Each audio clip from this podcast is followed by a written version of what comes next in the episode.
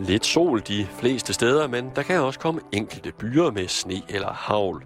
Temperaturer mellem 2 og 5 grader, og vinden bliver jævn til hård ved kysterne op til kuling fra en vestlig retning. Nu er det blevet tid til halløj i betalingsringen, hvor Simon Juhl taler med den ene halvdel af komikerparet Monrad og Rislund, Søren Rislund, om hans store passion for brandbiler. Mm.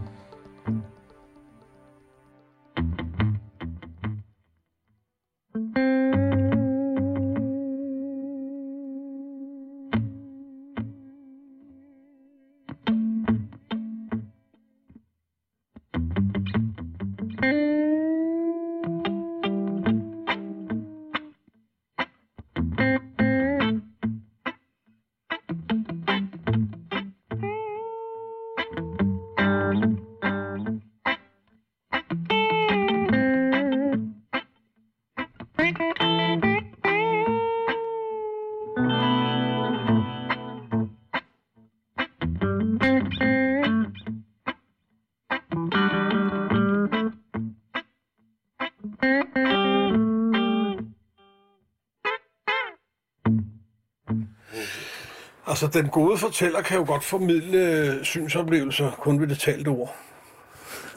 Og der, der står du, øh, der, der står du øh, som et emne, som jeg ikke vil tvivle på i den situation.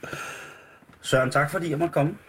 Altid velkommen. Og øh, det er jo dejligt at være lidt på Midtjylland igen. Ja. Og vi er havnet øh, i, dit, øh, i dit kontor, Ja. som bærer præg af, af samlermani måske lidt. Mani, det lyder som det er en diagnose. Jeg vil hellere benytte mig af begrebet samlerglæde, for det har jo en glæde, hvis man nu er samler, så er det en glæde at samle. Der er en stor samling af flasker. Ja. På den ene væg til... Øh, i, altså helt den ene væg i rummet, stort set, er en reol med flasker. Det er det, ja. Det er mundblæste mineralvandsflasker. Danske. Og så er der lidt kuriosum, kuriosa på toppen. Du kan se en sifon på toppen. Den er fra øh, det store badeetablissement i Budapest, der hedder Gellert, som du måske kan huske optræder i en James Bond-film.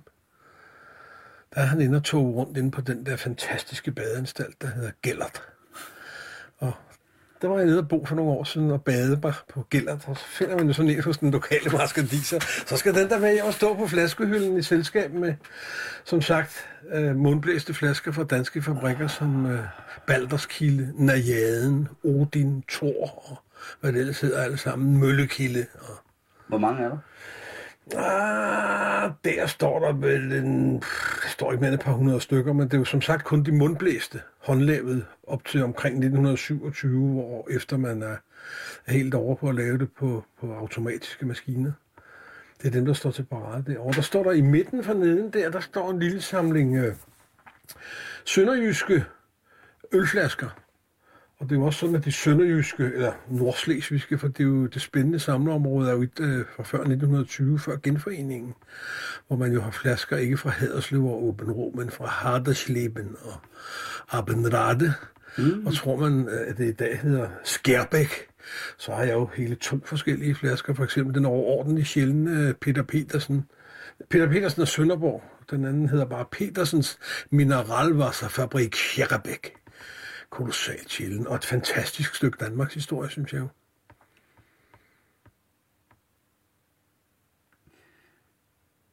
Jeg ved ikke, om man skal være bekymret. Det skal man ikke. Det skulle være på mine vegne, og der kan jeg, der kan jeg, der kan jeg simpelthen lense dig for al bekymring. Du skal nøjes med ligesom mig og glæde dig. Er det sådan, jeg skal gå over til Ørstedsparkens kuranstalt frem, så du selv kan gnide lidt på den? Mm, det kunne da egentlig være meget rart. Den henter jeg lige. Ja, så tager jeg lige en tår kaffe. Gør det.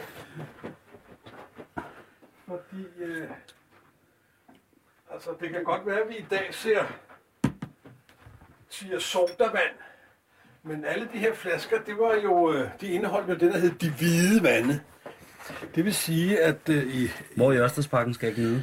Jamen, du skal bare se, at der står simpelthen Ørstedsparkens kuranstalt, og så skal du jo glæde dig over, hvorledes det er håndarbejdet. Det er mundblæst glas i en håndlavet form.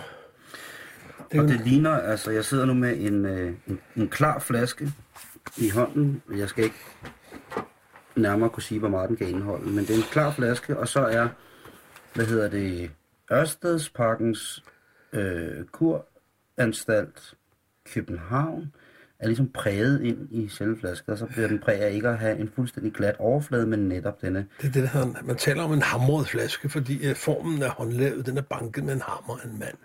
Så den har et naturligt, øh, naturligt nubret overflade, og så er den lukket med et klassisk patentlåg. Ja.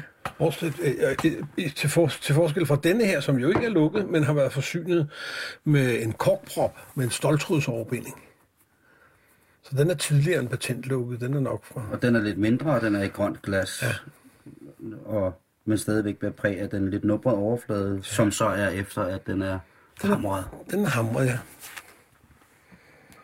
Og det var jo hvide vande, man solgte på de der steder, og det var vande, som var kemisk øh, eftergjort fra de berømte kilder nede i øh, badesteder nede i Tyskland. Der vidste, kendte man den kemiske sammensætning. Du kender, at man har kunne købe Carlsbad og salt, ikke? Og Carlsbad, alle de der byer, der i Tyskland havde noget med bad, det ved du sikkert. Det er fordi, der er en kuranstalt, der har noget, særligt, noget særligt godt vand, øh, som man så kunne efterligne. Der findes gamle priskuranter fra sådan nogle mineralvandshandlere i København, hvor man kunne så vælge om, øh, skal det være en vand fra Vichy? Ja, meget gerne. Skal det være en gitterkilde, eller skal det være fra en af de andre kilder omkring øh, Vichy? Så kunne man så efter, kemisk eftergøre vandet, så den fik lige nøjagtigt den sammensætning, som, som man synes var. Det var jo helsende for fanden. Man var jo på vandkur. Det var ikke noget, man spøgte med, og det var først langt senere, at man, at man, at man fik de første søde vande. Den, det såkaldte, det kom så den røde sodavand, en svensk sodavand, som den hed. Og derfra så har det jo så taget fart med i dag at være det rene gift. En orangefarvet blanding af halv plastikpadding og halv kugler. Det er der ikke meget helse i. Men de... Men var de... De, de er jo pisse smukke. Ja, det er det. det, er det. Jeg kan godt forstå, at du samler det. Jeg har nok ikke samlet så mange. Du kan også se, nu er det sådan, at jeg etablerer en belysning, så det er muligt faktisk. Og, og, ah, der så, tændte du museumsbelysningen. Ja, og så har jeg haft besøg af, hvad hedder det, af kunstmalere, som har kigget på den der, og ja, det skulle ligesom at kigge på et hav, ikke? Fordi du kan godt se, det kan godt være de hvide eller klare flasker, men der er mange af dem, der er forskellige blandede grønlige nuancer, og det er jo fuldstændig som når du kigger på på brændingen på et hav, på en solskinsdag, hvor det kan have alle mulige forskellige farver, når det bølger og skummer og huserer og regerer. Og så er det jo Danmarks historie. Det, det er spændende. Men i virkeligheden er det slet ikke derfor, at jeg kommer ned og besøger dig. Jeg kommer af den simple årsag, at øh, du er den person, jeg har kendskab til i verden, som ved allermest om brand og redning? Ja, jeg ved noget. Brandbiler og... Nu er der udover den samling, som med flaskerne, med, med hvidvandsflaskerne, store historiske samling, også en, øh, en montre, altså et øh, glasindfattet i to lag, hvor der er dertil både øh, forneden er to forskellige lag, og øverst også ligeledes to. De er faktisk identiske, både nederste og Måske kan jeg bare sige, at der er fire lag skab, fire hylder i. Fire hylder, det er nærliggende. Nederste hylde indeholder hjelme, og så er der ellers legetøjsbiler. Og jeg, vil, jeg vil kalde det modelbiler, for jeg tror, hvis det havde været i Amerika, så ville der være en, øh, en advarsel på den øh, papæske, som på et tidspunkt har omgivet øh, øh, modellerne, at det vil ikke være egnet til, til, til små børn under en vis alder, fordi man kan jo, hvis man efter den amerikanske produktansvarlighedslovgivning bider i sådan en modelbil, så kan man jo få alt muligt underligt. En lille stump af en stige, eller måske en afreven projektør ned i halsen, så kan man blive kvalt, hvis man er et lille barn. Så det er legetøj for voksne, det er i navnet modelbrandbiler. Ja tak, undskyld. Jeg vil. For at starte ved noget, som kunne minde om en start. Hvordan faldt din kærlighed så på dette med brandbiler og hvad det, altså, jeg siger jo bare brandbiler, men hvad dertil hører af alskens... Øh, det startede med, at, at jeg var dreng inde på Frederiksberg og boede på Nylandsvej. Øh, det er ikke så langt fra Frederiksberg brandstation, som stadigvæk ligger over på Hovitsvej. Og så på et eller andet tidspunkt, så fandt jeg ud af, at når der kom nogle særlige biler, som var røde og blinkede med nogle orange lygter og havde et gult flag på taget, så, så skete der et eller andet. Og, øh, der var noget, der var gået galt. Der var en, der var syg, eller der var sket en ulykke, eller der var opstået en ildebrand. Og øh, det har mennesket jo til alle tider været fascineret af på en eller anden måde. Øh, Ikke fordi man har man har godtet sig over andres ulykke eller, øh, øh eller ildebrand, øh, men måske snarere det modsatte. Man har haft lejlighed til at kunne tænke, Øh, godt, det ikke er mig, måske ikke. Og så har man jo også haft en vis form for medfølelse. Øh, vi kender det fra i dag. Det lever helt op til i dag, når du ser, hvor mange, øh, hvor store dele af programfladerne, der er fyldt med fantastiske indsatser fra brand- og redningsmænd og mænd over hele kloden. Men i dag er det jo forlignet med, hvad jeg vil kalde et følelsespornografisk øh, øh, vinkling. Ja. Øh, så der er jo ikke så meget dreng over det længere. Vel? Altså, jeg var, jeg, fascineringen kom af, at her kommer der nogen, nu skal der ske noget, nu skal vi have slukket det ildebrand, nu skal vi have afhjulpet det der med, øh, med det, der er gået galt. Ikke? Det er lidt den der fascination af det kraftfulde også, at nu kommer der motoromdrejninger på, for nu er pumpen koblet ind, og nu sker der, der, der er sådan meget, øh, hvad skal man sige, det er jo kraftfuldt, hvad skal man sige, ligesom at bekæmpe en ildebrand på en eller anden person. Ikke? Det tror jeg er et element i det. Altså, fuldt så efter? Så fulgte jeg efter, så jeg, jeg lærte mig jo, at når brandbilerne kørte den og den vej, Frederiksberg var en relativt lille kommune, og man kørte jo kun stramt til kommunegrænsen dengang, medmindre man var blevet rekvireret til hjælp. Øh, så vidste man jo, at når den kørte ud af Falconerlæge, så skulle den jo maks nå ud til Åbelevarden, fordi der gik kommunegrænsen til København. Og så gik det jo også i alle retninger. Så når de kørte nogle bestemte veje, så ville det være relativt lettere at indkredse, og så kørte de jo heller ikke så hurtigt andet, men hvis man var en lille smule rask i pedalerne, så tabte man dem ikke af syne, hvis man var en, en frisk ung mand, en, rask dreng. Og så, øh, så, så udmyndtede interessen sig jo så på den måde, at, øh, når jeg kom hjem, så øh, skulle der udfærdiges en rapport. Jeg skrev ned, hvad det var, der var sket. Havde det været en ildebrand, hvor der for eksempel havde været slangeudlægning, at man ikke havde kunne klare det med håndredskaber, så, jamen, så tegnede jeg møjsommeligt et rigsår stedet, hvor køretøjerne havde været placeret. For det havde jeg jo set i den rigtige fagpresse. Jeg kendte, lærte nogle brandmænd at kende, og så fik jeg jo deres fagblade, når de havde læst dem. Og der kunne jeg se, sådan gjorde man. Altså sådan kunne man give et billede af, hvordan indsatsen var forløbet, hvordan det havde set ud på skadestedet. Her var stigen rejst, og her var der lagt slanger ud. Og det, det, så skrev jeg så lidt om, om det. Det har jeg da heldigvis også gemt nogle stykker af. Det synes jeg, det synes jeg sådan lyder umiddelbart som, ja, det er som brand- eller redningsmand vil måske tænke, nu står den mærkelige dreng der igen, men han er jo bare et barn. Han er en dreng, så selvfølgelig er interessen for, for, for action, det kan man godt kalde det, sige der, ikke? Øh, Jo, det kan man godt sige. er action nødvendig, eller man synes, det er fedt, øh, man, man følger med. Men det har jo, det er jo ikke stoppet der, kan man sige. Det er jo... Det, Nej. Det, det, det, det har jo fu- fulgt med, fulgt med dig hele livet. Jeg plejer gerne at sige, at øh, mændene, øh, børn er jo sådan indrettet, at børn de leger. Og i gamle dage, da kønsrollerne var blevet knap så øh, fusioneret, som de er i dag, eller udvisket, kan man sige, eller, eller fællesskabsgjorte, øh, der, der skulle drenge jo lege med noget mekanik og så videre, og piger de legede så med dukker. Og så har jeg en hypotese om, at når, når pigerne så bliver så store, at de bliver kvinder og kan udskifte dukkerne med et rigtigt barn, øh, så, skal, så skal kvinderne tage sig sammen for ligesom at holde fast i det der legeelement, øh, som nu er blevet erstattet af en egentlig forpligtelse over for et lille nyt væsen. Hvor imod mændene selvfølgelig også har en forpligtelse over for det lille nye væsen, men de kan med en helt anden behendighed øh, omklassificere deres hidtidige leg til begrebet hobby. Og så kan de fortsætte som intet er hent.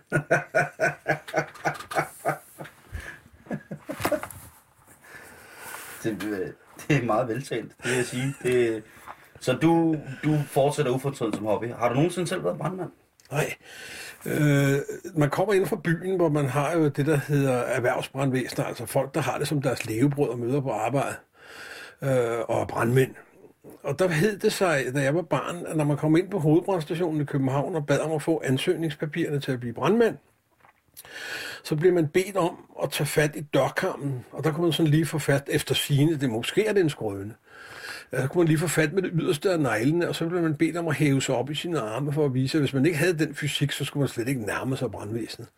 Og da jeg jo altid har haft et lille ansats til det trine, øh, så ville jeg jo aldrig nogensinde kunne nærme mig ansøgningspapirerne ved at hæve mig op i armene i en dørkamp på hovedbrandstationen, så det bliver aldrig sådan noget. Og der vidste jeg jo ikke, at ude på landet var det helt ganske anderledes, altså hvor man har deltidsfolk, og i gamle dage var der en, en, en sirene, der lød, eller et, et, horn, der blev truttet i, eller måske klemte med kirkeklokken, eller... og så løb folk til, så smed bæreren og smeden, og, og de andre, hvad de havde i hænderne, og så løb de så hen og bemandede sprøjten, og så kørte de så afsted. Og det gør man jo stadig nogle steder. Du øh,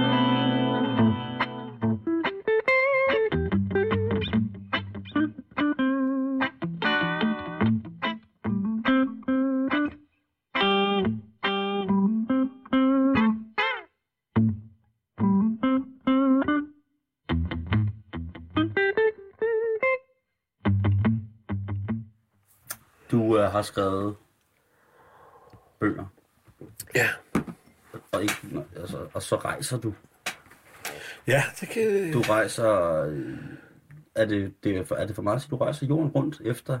Ja, det er for meget at sige. Det gør jeg ikke. Jeg rejser jo relevant, øh, øh, når jeg rejser på research-tour, hvis det er i den retning, du vil. Ellers er det jo bare almindelig ferie for den heldige dreng og, og hans, hans kone gennem mange, mange år. Men øh, i øjeblikket har jeg for eksempel et nordisk projekt, som har bragt mig i kontakt med nogle øh, ledelsesfælder i Finland og på Island og i Norge, som Altså nye venskaber, nye kammeratskaber, som øh, øh, når man spørger om de vil hjælpe, jamen det vil de så gerne, ikke? Og så må man jo op og hilse på, ikke? Og det er jo hobbyarbejde, der så fandens lang tid, og så, så- kan jeg ikke have en forlægger ind over, der sidder og siger, nu må vi spare her, og nu må vi spare der, og jeg er nødt til selv at bestemme det hele, fordi kvaliteten skal være i orden. Altså jeg mener, har man et fast arbejde, så kan man muligvis møde op der og lave noget lort.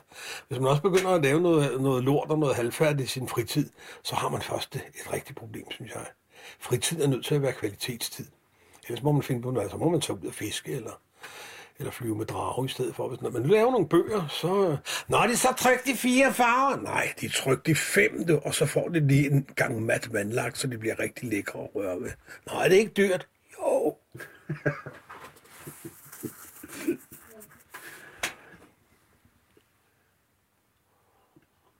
Mange har du skrevet de bøger der?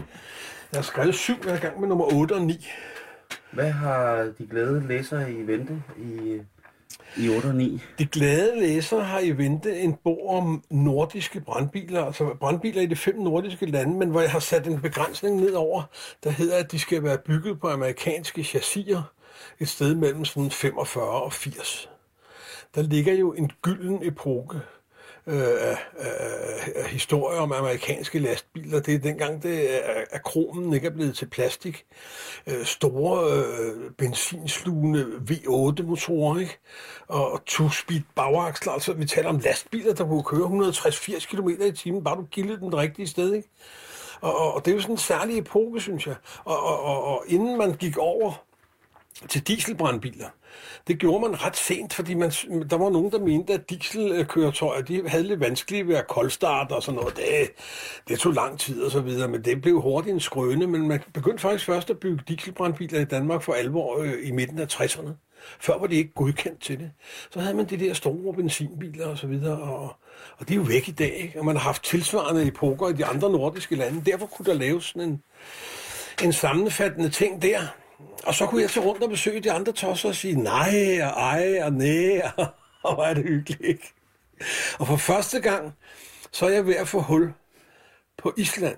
Det har været, sådan, det har været et lukket land. De har ikke rigtig været til her til at få i tale derop. Nå, hvad har der... Øh, jamen, øh, Island er jo et relativt lille land med tilsvarende... Ja, det er et stort land, men altså befolkningsmæssigt og dermed brandbilmæssigt har der måske ikke været så meget, så der er, er, kan være en helt, et helt foreningsliv omkring brandbiler på Island. Det tror jeg ikke, der har været. Og så, øh, det var der godt nok nogen, der advarede mig imod, at det tager sig altså tiden til det.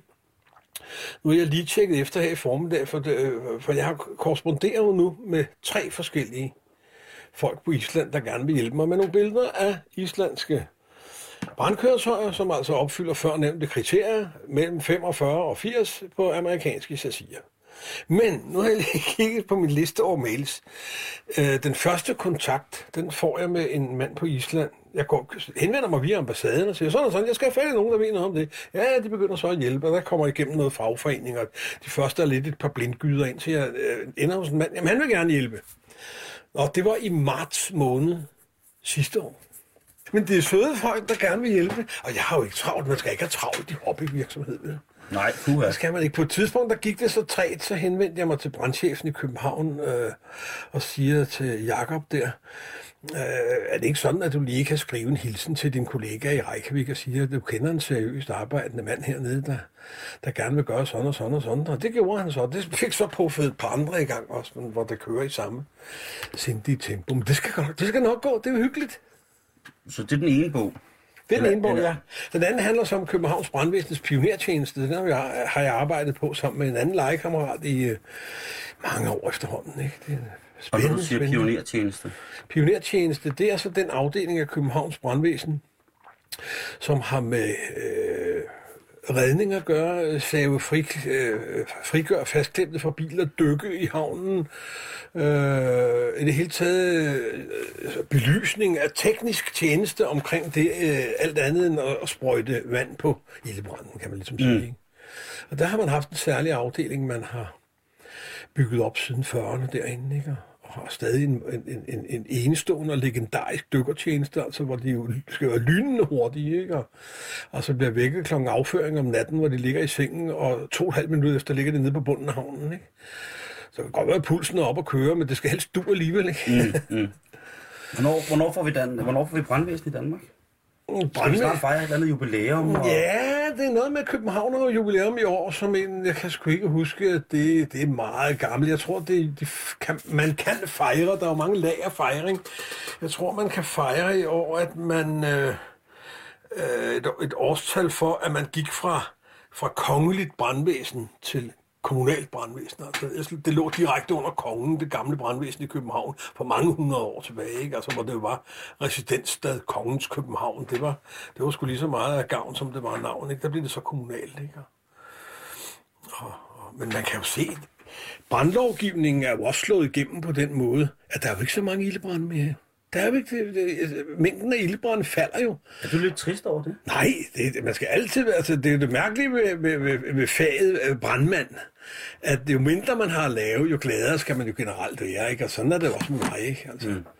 Fordi øh, al den lovgivning og brandforebyggelse, der er kommet igennem på en række områder, gør at der, der ikke står, opstår ikke så mange ildebrænde. Når de opstår, så er de som regel, som regel lettere at kontrollere, ikke? Men når du hører en sirene nu, eller når du... Øh, gipper det så stadig derefter at tænke, Jeg vil ikke sige, at det Skulle- gipper. skulle Det, jeg tror ikke, det gipper, som du vil sige, men jeg vil da vende mig om og kigge. det er jo ikke så mange år siden. Vi havde jo en brand, lille brandstation her i Borup. Og der, der havde jeg jo en radio i den periode, som gjorde, at jeg fik udkaldet samtidig med brandmændene. Og øh, det gav mig også mulighed for at køre ud og kigge, når der var noget. Og, og brandmændene skulle først hente brandbilen. Jeg kunne bare køre, køre umiddelbart afsted. Der er der nok mange af lytterne, der siger, at der var en pervers og syg holdning. Ja, det kan man sige, men der var jo kun mig, ikke? Så det var så som så med at gå i vejen, men øh, til gengæld ved jeg da også, at jeg har været til hjælp nogle gange, ikke? Men hvad hedder det? Når man som dreng kørte efter brandbilerne på cykel, så kunne jeg jo her køre foran, ikke? Fordi jeg skulle som sagt først hente brandbilen, ikke? Og så var jeg jo sådan en... Man har i Amerika et udtryk, der hedder en fire buff. Det er sådan en civilist, der, der, øh, der er omkring brandvæsenet og måske hjælp, holder til omkring brandstationen, interesserer sig for arbejde, hjælper i et forskellige... prospect. Uh, nej, fordi en prospect uh, eller en hangaround, det er sådan en, der, der håber på at blive fuldgyldigt medlem. Det gør, uh, altså, det, et, har et dansk udtryk, som jeg har, der hedder, han hedder jo brandnørd, ikke? Ja. Altså, han vil forblive som civilist, men være omkring uh, brandvæsenet af interesser og så videre. Og jeg kunne så for eksempel tilbyde uh, færdigheder inden for mit fag, uh, når der var nytårsafslutning på brandstationen, der nåede jeg at være til dem alle i de jeg tror, det var 17 år, der nåede at være brandstation i Borup, inden den blev nedlagt igen. Så lavede jeg jo en årskvist til brandmændene, så fik vi et stykke mad, og, og borgmesteren var der og holdt en tale og sagde tak, og der var forskellige honorationer fra, fra Falk og fra, fra, fra andet sted. Ikke? Og, og når de så gik hjem, så var der kun brandmænd og Søren Rislund tilbage, så havde jeg jo lavet årets quiz. Nu har jeg holdt det grin tilbage. Jeg synes, det, altså, jeg synes både, jeg synes både det, er, det, er, det, det er småsygt, og det er perverteret, og det er... Men i bund og grund, så er det bare virkelig fantastisk, at man har den interesse. Undskyld, men du siger... Jeg lavede årets, jeg lavede årets quiz, Og den handlede så lidt om, at der var, øh, dels var der et afsnit, der hed brandteknik, og hvad der skete i året i løb i Borup. Så kunne jeg jo så stille spørgsmål omkring, det var jeg jo velinformeret omkring, hvad der havde været af forskellige ildebrænde i årets løb, og også med brandteknikken, ikke? Og den anden, det hed så... Hvad, hvad er brandteknikken? Jamen, det er jo så for eksempel... Øh, det kan jo være forskellige faglige termer, ikke? Hvad er et gyderør, for eksempel, ikke? Ved du, hvad et gyderør det er? Hvis ikke du refererer til... Så ville du tro, du var noget inden for fiskeindustri. Ja, øh, bevares, eller noget, der havde noget med i hvert fald odøren af fisk at gøre. Eller det kunne jo også være en, en slang for det mandlige forplantningsorgan. Ja, et gyderør, det er et rør, hvor man udgyder noget, som ikke decideret sprøjter. Det kan for eksempel være kulsyre eller skum, skum som vælder. Skum kan du godt sprøjte med også, men du har visse typer skumrør, som bare virkeligheden, hvis du skal, skal slukke en brændende overflade på et stort tankanlæg, så kan du hænge sådan en op over, der bare vælter skum ud over, indtil du forhåbentlig dækker overfladen. Det hedder også et gyderør. Og så er det et gyderør, den der trakt, der sidder på enden af sådan en kulsyreslukker, som du kender også. Ja. Den sprøjter jo heller ikke. Den lukker jo mere sådan... Du ved, sådan en Hvordan, øh, og så vidste de jo ikke en skid om et gyderør, men spurgte man øh, deltidsbrandmænd om, om noget, der havde stået i se og hør, ikke? så var de vild med det ligesom alle mulige andre. Og det havde vi vældig fornøjelse af. Det var hyggeligt.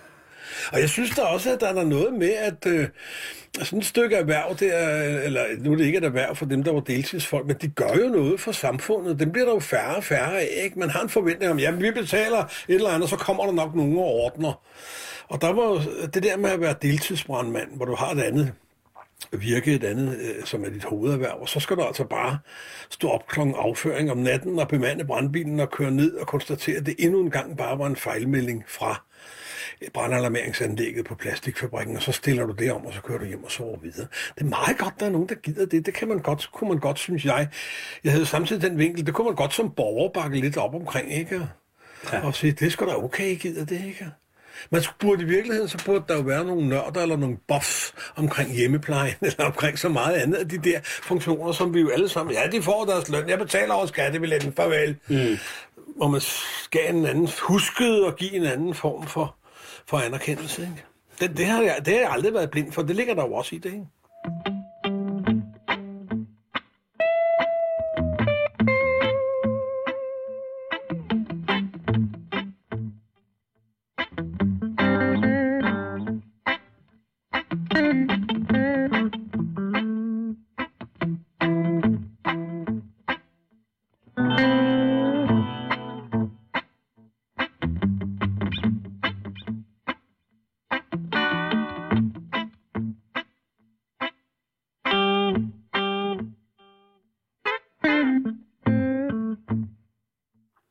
Jeg snakkede med en, øh, en gammel fisker fra Harbrøger, som fortalte noget om vores redningstradition i henhold til frivillig øh, søredning. Ja. Altså, øh, Ja. hvad hedder det? Det hedder... Redningsvæsenet. Ja, altså hvor at man i gamle dage havde frivillige folk, der var klar ved redningsbådene, Ja. som kom, øh, altså også rendende til, hvis der var noget, Ja. ja. og de var frivillige, og de var Ja. måske bønder i virkeligheden, eller fiskede selv. Bønder eller, ofte fiskere selv, ja. ja, ja. Som så, øh, og han fortalte, at det var en af, det var en meget gammel tradition i Danmark, med den der frivillige Ja. ting til at hjælpe andre. Ja.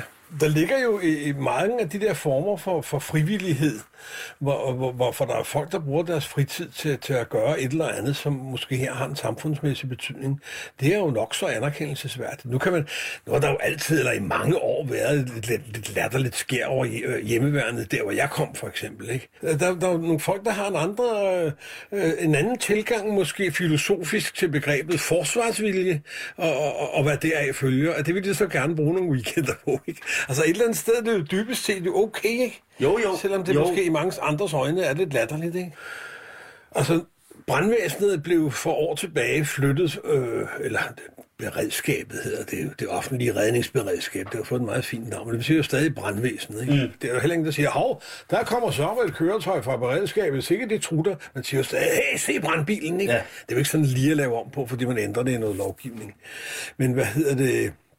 Øh, brandvæsenet blev så flyttet over og blev en del af, øh, af totalberedskabet på linje med de tre værn øh, og, og hvad hedder det, civilforsvaret, som er statens redningsberedskab, i noget, der hedder totalforsvaret. Sådan ser man det jo øh, i dag. Men for at komme tilbage til sådan de mere konkrete ting Ja. i brand- og redningsarbejdet, så har du jo i modelskabet derovre. Skal vi prøve Ja. at gå over til skabet? Ja, lad os prøve Øh, Jeg definerer mig jo ikke som modelbilsamler, og den samling, man kigger på her, den er jo opstået lidt mod min vilje, øh, kan man sige. Øh, det er russiske biler, alle sammen, og de to øverste hylder, det er så håndbygget. Øh, der opstod efter Sovjetunionens kollaps, hvor der var en masse finmekanikere og alt muligt. Det har jo kun en masse ting. Der var masser af dygtige folk derovre, som var indgået til opbygning af denne mærkelige og sindssyge land, som så pludselig ikke havde noget at lave. Og så er der for eksempel nogen, der har fundet ud af, at vi kan da lave, vi kan da bygge brandbiler. Så det er jo alle, de der, det er jo sådan nogle køkkenbordsindustrier. De der to øverste hylder, hvor, hvor, hvor, hvor folkene selv har lavet formen fra en start af, og så er de så støbt enten i nogle metallegeringer, eller i det, der hedder resin, eller på anden vis. Så det er lavet helt fra scratch. Altså, de har fået nogle tegninger, og så har de lavet formen, og så har de bygget. Og det er meget nøjagtige kopier af, af brandbiler, der har kørt i, i Sovjetunionen. Og så er der også noget, der, så er der dem med heste for herover der har kørt i, i Sarens brandvæsen i St. Petersborg, ikke, for at beskytte.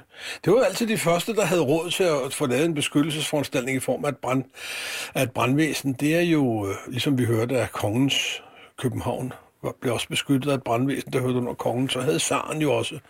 Så kunne det skulle brænde alle mulige andre steder, inden man fik organiseret sådan noget. Men Sarens ting skulle der jo selvfølgelig passes på. Ikke?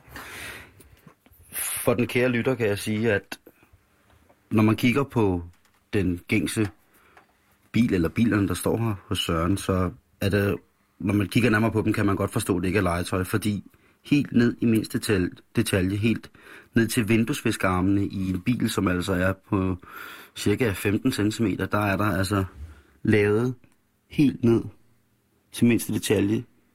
Stålvejeren på trækket foran på kofangeren, lygtegitteret, bagspejlene, ledningerne omkring pejleprojektøren forrest i højre side på køretøjet er fuldstændig lavet ned til mindste detalje. Selv mønstret i glasset på pejleprojektøren er, er lavet og garanteret i rigtig glas. Det ved jeg ikke. Jeg har ikke prøvet at blive...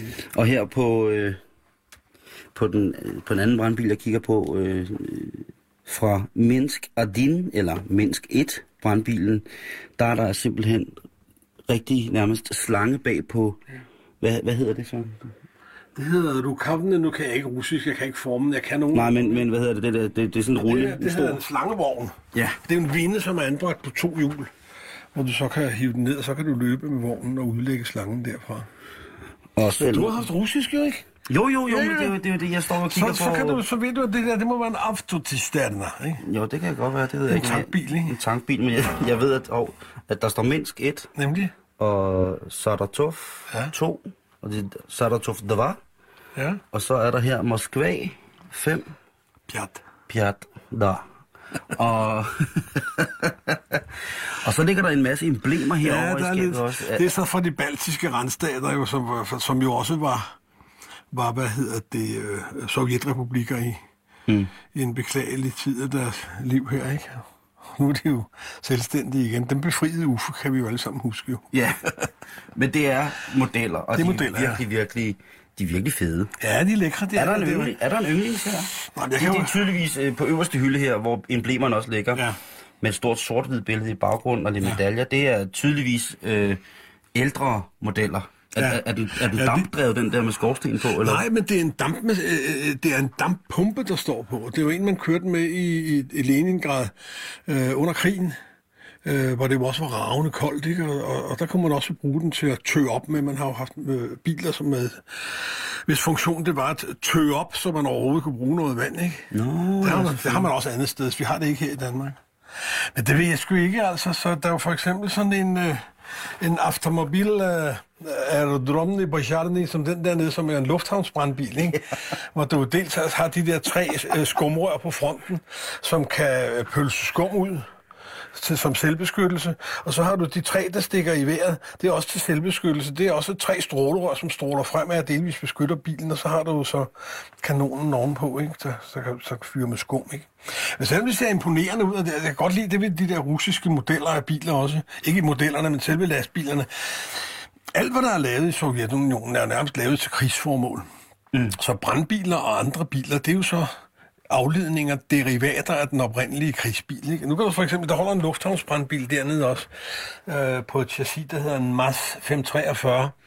Og der er, øh, når den har jo ligesom to, to dels førerhus, det er jo fordi, det i virkeligheden er en skotrampe. Den er været, øh, beregnet til at fremføre et skotmissil. Og Så, er meget... så raketten har jo ligget der mellem de to, det todelte førerhus, hvor der nu er bare en kanon. ja. Ikke? Og der var der så et tank, jamen, der var så fyldt op af raket. Og der er, øh, ud som også øh, gaver, eller jeg ved ikke, om det hedder, om det vil fornærme herrerne, som siger, det er en souvenirs. Men det er en platte. Øh, man kan sige relikvier, det er jo en gave, jeg har fået under besøg på brandstationen i St. Petersborg. Ja. Og igen emblemer. Og hjelme har Ja, der er nogle sjove også. emblemer hernede. Der, der er tre, der ligger ved siden af hinanden, ikke? Fordi øh, det er jo, øh, der kan se, der er et med en lille lastbil på. Ja. Det er en fremragende chauffør, der får man så blevet mm. fået sådan et øh, fint mærke. Og så har man været en fremragende... chauffør. Chauffør, ja. Chauffør. Og så har man været fremragende jernbanemand. Og der er et sted, hvor man er stadig, til stede er efterlignet alle disse kommunistiske udmærkelser, så er det i Mongoliet, hvor det sidste emblem er fra. For der kunne man blive dekoreret med det der emblem, hvis man var en fremragende hyrde. Og du kan se, der er jo en kamel og en ged og en ko, man kunne gå med på reværen, ikke? Det er vidunderligt. Så, så du har Det er været... lige grænseområdet for brand og redning. Det er jo bare, det er jo bare russer. Men du har været i Mongoliet og kigget på brandstationer. Jeg var der i anden sammenhæng på almindelig ferie for mange år tilbage, men jeg var der hen og besøgte brandstationen, det var jeg da. Det, Der holdt lidt japansk, og der holdt noget russisk, og det var helt taget noget affældigt blandingsgods, og det var altid hyggeligt. hvis du tænker tilbage på en brandstation, som du virkelig, virkelig er tæt knyttet til, både på grund af materiel, mandskab og generelt korpsånd, hvad, hvad, hvad falder der så ind? Sådan er det jo med, jo ældre man bliver, jo hurtigere har man løbet som dreng, og der er et gammelt ord, der siger så. Jeg, jeg tænker jo altid tilbage på Frederiksberg brandvæsen, Mm. som jo i dag er reduceret til øh, en almindelig moderne brandstation, og som ovenikøbet har ambulancebetjening. Nu hvor ambulancen er gået overgået til regionerne, så har man jo en kontrakt fra Frederiksberg Brandvæsen, hvor man kører ambulance for regionen. Men det var jo, da jeg var dreng, der var det jo helt, helt anderledes. Der var øh, Frederiksberg Brandvæsen et forgangsbrandvæsen på en række områder. Øh, mange af dem, der havde været chefer tidligere også på Frederiksberg, havde opfundet forskelligt, ikke? Og, og, Såsom kan vi få eksempel? Jamen for eksempel øh, i, i 1924, der indførte man på Frederiksberg den såkaldte øh, røgdykkerambulance. Det vil sige, når nu man både havde ambulance, man kørte med, og man havde brandbiler, man kørte med, så opfandt man et system, så så snart alarmtelefonen ringede, bang, inden der var nogen, der havde løftet røret, så slog man ambulancen ud. Så blev den alarmeret. Det personale, der skulle køre ambulancen, øh, det, det blev straks ringet ud og sagde, nu er der alarm, for I skal afsted, hvad enten det er ambulance eller det er ildbrand. Så kan de afsted. Så blev, hvad hedder det, når de så fik løftet røret og sagt, hallo, og så var det måske ildebrand, så trykkede man på klokken igen, som, som så ringede højere, og så viste lystabloet, at nu skulle sprøjterne køre. Men da ambulancen, øh, den indgik i brandudrykningen, og ambulancemændene samtidig var røgdykker, fordi ambulancen er jo et hurtigere og mindre køretøj, øh, så kunne den jo afgå først, og der var masser af eksempler på, øh, man, øh, der var en gennemsnitstid på, at fra telefonen ringede, og nogle gange til ambulancen kørte, der gik 30 sekunder. Og det er jo altså tilbage i tiden, det er i 40'erne og 50'erne, ikke? Det er jo sindssygt hurtigt, ikke?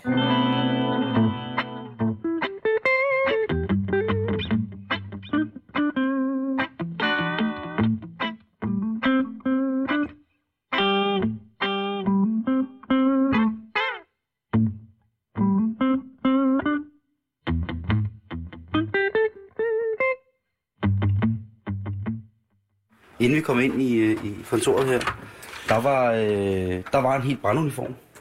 Der står en øh, Københavns brandinspektør her, ja, og holder vagt og ser, ser godt ud her. Men jeg synes, vi skal gå op ad trappen og kigge, Ja. fordi øh, Lad os gøre der er det. lidt mere at se på deroppe måske. Går vi op ad trappen, og det første, man ser på vej op ad trappen, inden at øh, den overliggende etage, hvor, øh, hvor vi kommer op på, det vi ser ad trappen, det er en reol, hvor der ligger en hel masse brandhjelme. Ja. Og der ligger ikke kun en hel masse, jeg kan også se noget, der ligner her. Det er sådan en ældre overgang. Her der har vi hvad? Jamen, det er almindelige nyere brandhjelme inden for de sidste 50 år. Den tyske dinhjelm, der har været brugt. Ja, den der, der er hul i toppen, det er fordi, det er en reklame fra, fra fir, det franske hjelmfirma Gallet. Og når der er hul i toppen, så er det fordi, det er en champagnekøler. Så der kan man så få kølet champagne ned igennem brandhjelmen. Er det, øh, er det ligesom The Shit Galet-hjelme inden for... Øh, Ah, det, der er mange moderne hjelme. Altså, der er udviklet sig meget fra, fra den tyske såkaldte din-hjelm, ikke? Altså, det ligner jo en klassisk, øh, Ja. ja. undskyld, mig, en tysk nazihjelm med en lille Ja. ja. aluminiumshanekam og så Ja. et, øh, et, et glødefæng Ja. til nakken. det er man gået væk fra. Der er jo kommet helt anderledes, mere moderne og lettere og, sikkert også sikre. sikrere typer hovedbeklædning til at beskytte brandmændene med. Ikke? Hvordan har du fået fat Jamen, der findes jo markeder, om end de er nichepræget, hvor man kan øh, et og andre øh, øh handlere, nogle man kan købe af, og samlere man kan bytte med, ikke? Samlere, der dør, således at deres samlinger så kommer i, kommer i ny cirkulation, ikke? Holder man sig så lidt til. Nu, nu er jeg jo, øh, jeg kender jo øh, Danmarks førende hjelmsamler, som ikke har så mange hjelme derhjemme mere, men han havde, jeg tror, han havde 800 eller sådan noget i en to et halvt værelses lejlighed i Søborg. Ikke? Det fylder meget, ikke?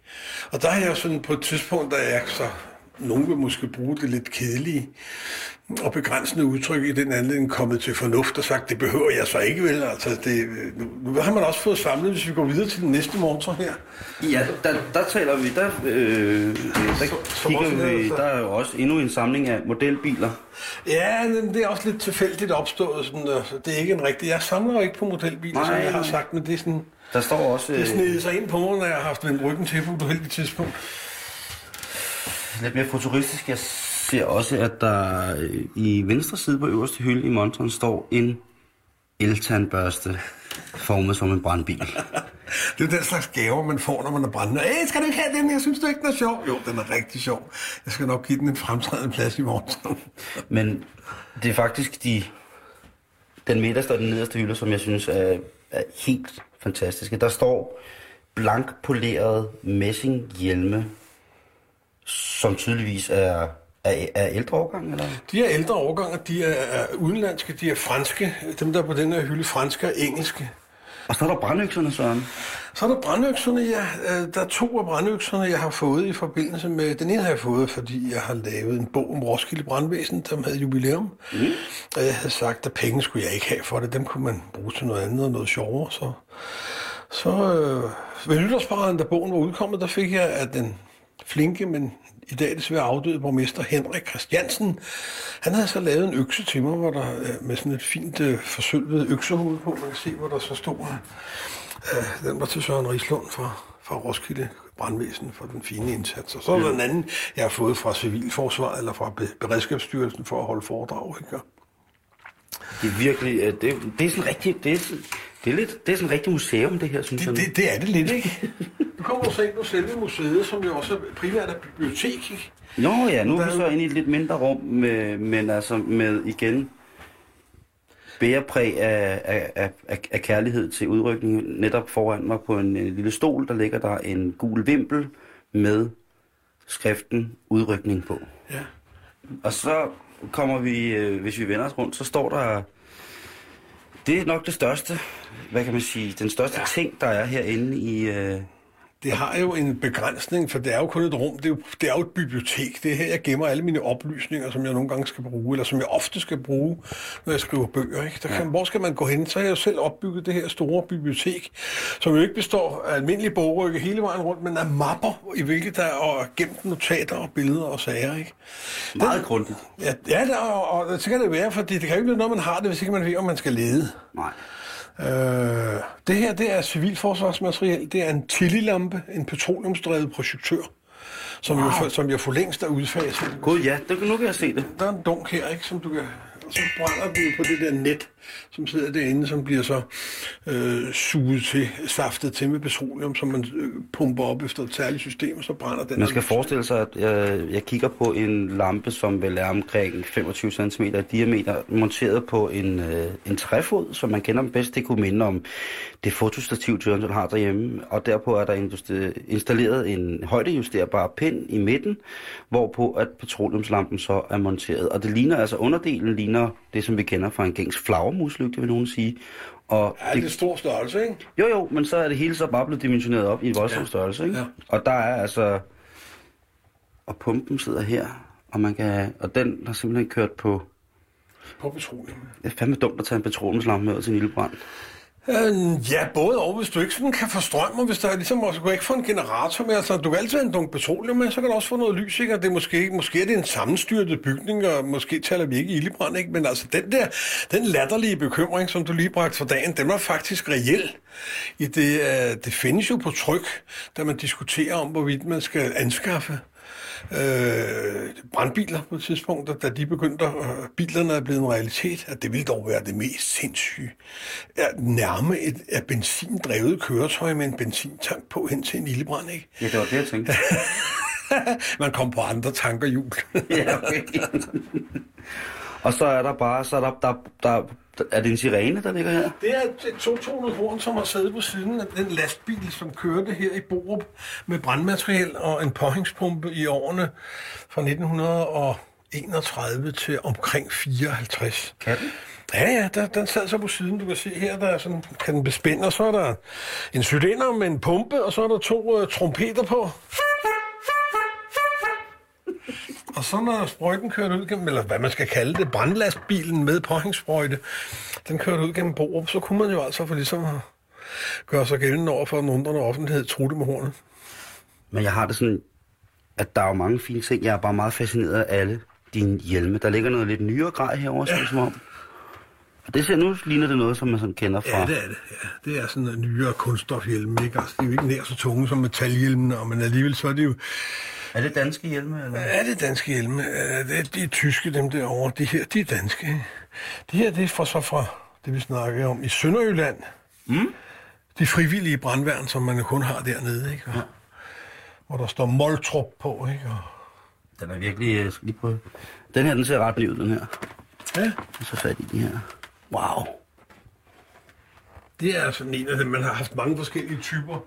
Øh, inden for København de sidste mange år. Jeg kan ikke engang huske, hvad det er for en den her, men det er så en af dem, man, har, man åbenbart har kunne vælge i forbindelse med, med uniformstildeling. Som det er en sort hjelm med et gult emblem forrest i ja. panden, og så et meget, meget stor klassisk af de der, der hænger i nakken, ja.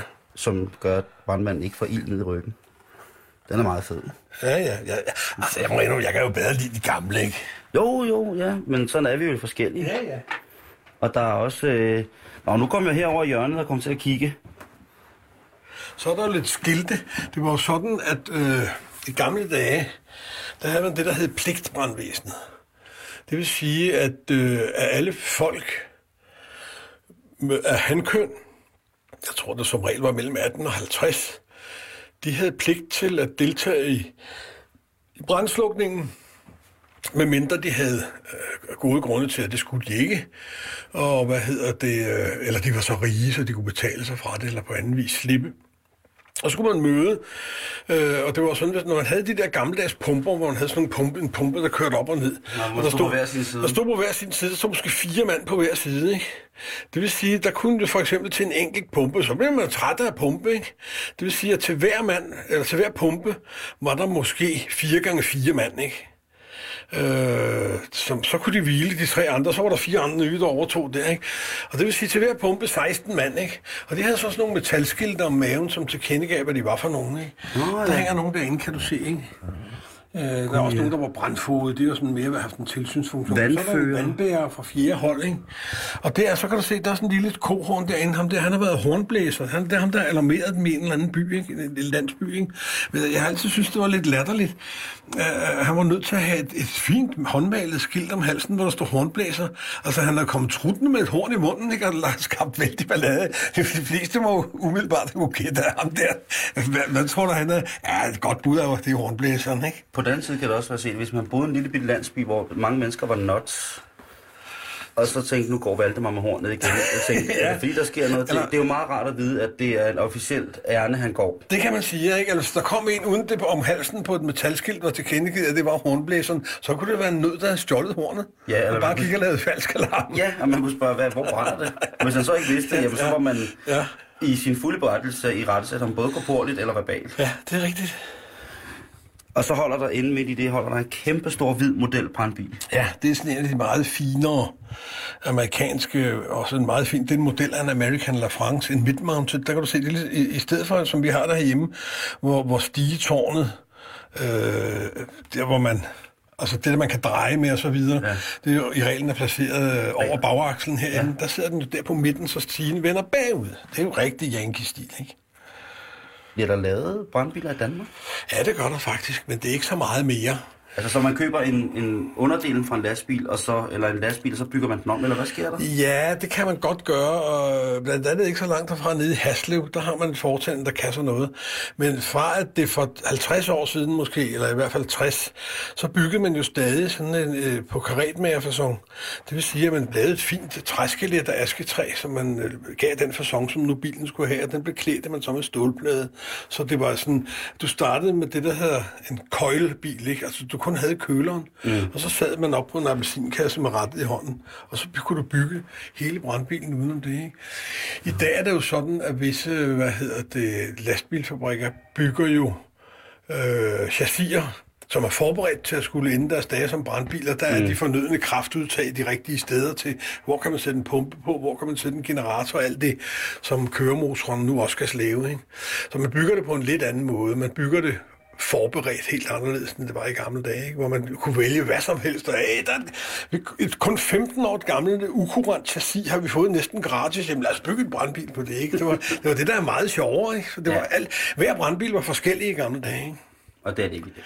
Det er det ikke, nej. I dag er det meget, meget standardiserede modulopbygninger. Ikke? Det er meget mere effektivt, og det er skide gode. Pumperne bliver styret elektronisk. Jeg vil lige vil sige, at Gud forbyder, at folkene er beruset, men man kan jo godt stå og læne sig op af en brandbil og halvsovn, og pumpen næsten klarer det hele selv med et par tryk på de rigtige knapper. Ikke? Men det er der ingen, der Det skal nej, man ikke være i nej, det job. Det er, Heller ikke i det job. Nej, nej, bevares, du godeste.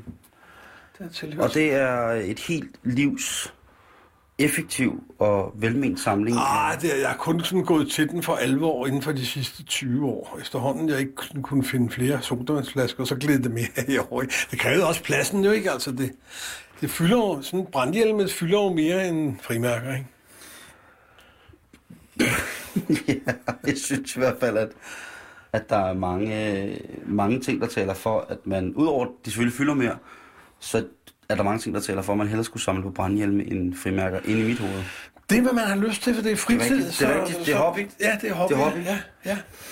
Man kan ikke, jeg, vil ikke, jeg vil ikke forklare det her ud fra et fornuftssynspunkt. Og derfor vil jeg heller ikke her til slut spørge dig om, hvornår bind 8 og 9 af Søren Rislunds øh, litteratur udkommer. Jeg vil ikke Der kommer et i år. Der kommer et ja, i år? Ja, det gør der. Det gør der. Nu har jeg været i gang i par år med den stille og rolig. Ikke? Og ja, ja. Det skal være færdigt i år, det har jeg bestemt. ikke. Og og hvad hedder det... Øh, jeg sidder selv og tegner på nogle papirer, laver layouten tegnet, som den skal være, efter de der, øh, hvor, hvor der er lavet en grundside, ikke? Mm. Og så lader vi levere det over til en anden legekammerat, der kan det for alvor, og kan de der quark og InDesign og hvad der ellers skal bruges. Så bliver det sådan lavet rigtig, rigtig lækkert. Det skal det være, ikke? Altså, man, kan da ikke, man skal da ikke i forbindelse med hobby og fornøjelsesarbejde bagefter, og så sparer jeg også 8 kroner der, men hold kæft, hvor blev det kedeligt. Nej, man skal give den den 10 ekstra, så, så, så selv ikke brændnørder, de kan åbne på og sige, hej. Jeg er jo absolut ikke brændnørd, men jeg er da i hvert fald i øh, de sidste par timer her i Borup blevet oplyst i en grad omkring øh, brand og redning, som jeg vil tage med mig og glæde mig over. Jeg synes, det er fedt. Det er også, og det er bare fedt at have en hobby, som man har haft så lang tid. Dejligt. Og så vil jeg sige tusind tak, Søren Rigslund, fordi du gad at, øh, at lægge, lægge stemme og vid til halvøjbetalingsringen. Det gjorde jeg gerne. Det er omkring, altid. Øh, omkring brandbiler. Og jeg skal jo for en god øh, ordens skyld spørge, hvis jeg på noget tidspunkt øh, er i en komplikation, hvor jeg bliver spurgt om nogle ting omkring øh, brand og redning, som jeg ikke selv har styr på, kan jeg eventuelt trække på din ekspertise i det tilfælde? Det er man altid velkommen til. Du vil i så fald ikke være den første, men øh, jeg vil jo gerne, man vil jo, det er jo det, der kendetegner hobby, synes jeg, i hvert fald på mit vedkommende. Man deler det jo gerne med nogen. Så det har også været sjovt for mig at vise det frem. Tænk, hvis det kun var mig, hvis jeg holdt det her tæt til kroppen, ikke? Altså, når jeg ser det her sådan her, så tænker jeg, øh, hvor mange måneder egentlig er, der har sådan en stor hjelmsamling ud over ham, der er død, der havde 800 Han er ikke død nu, heldigvis. Nå, nå, nå jeg troede... Jamen, han, er, han er flyttet et andet sted hen, hvor han ikke har så mange. De står på fagsstationen i Gladsaxe, mange af dem. Så det er kun perlerne, han har taget med sig, ikke? Men øh, det ved jeg ikke. Man kunne også, det, det fleste, folk har forskellige tilgang til det jo. Så nogen vil sige, det var da idiotisk at fylde det rum med alt det gamle, øh, ukurante hovedbeklædning og lort og gamle billeder og pis. Han kunne lege rummet ud til otte perker. Ja. det kunne man også sige. Det, men øh, det, det blev brand, brandhjelme. ja, det bliver brandhjelm. Ja, du har da otte mennesker fra Sri Lanka boende. Herovre i, skuret. Den historie tager vi en anden gang. Søren, tak fordi du var med. Det har været en udsøgt fornøjelse.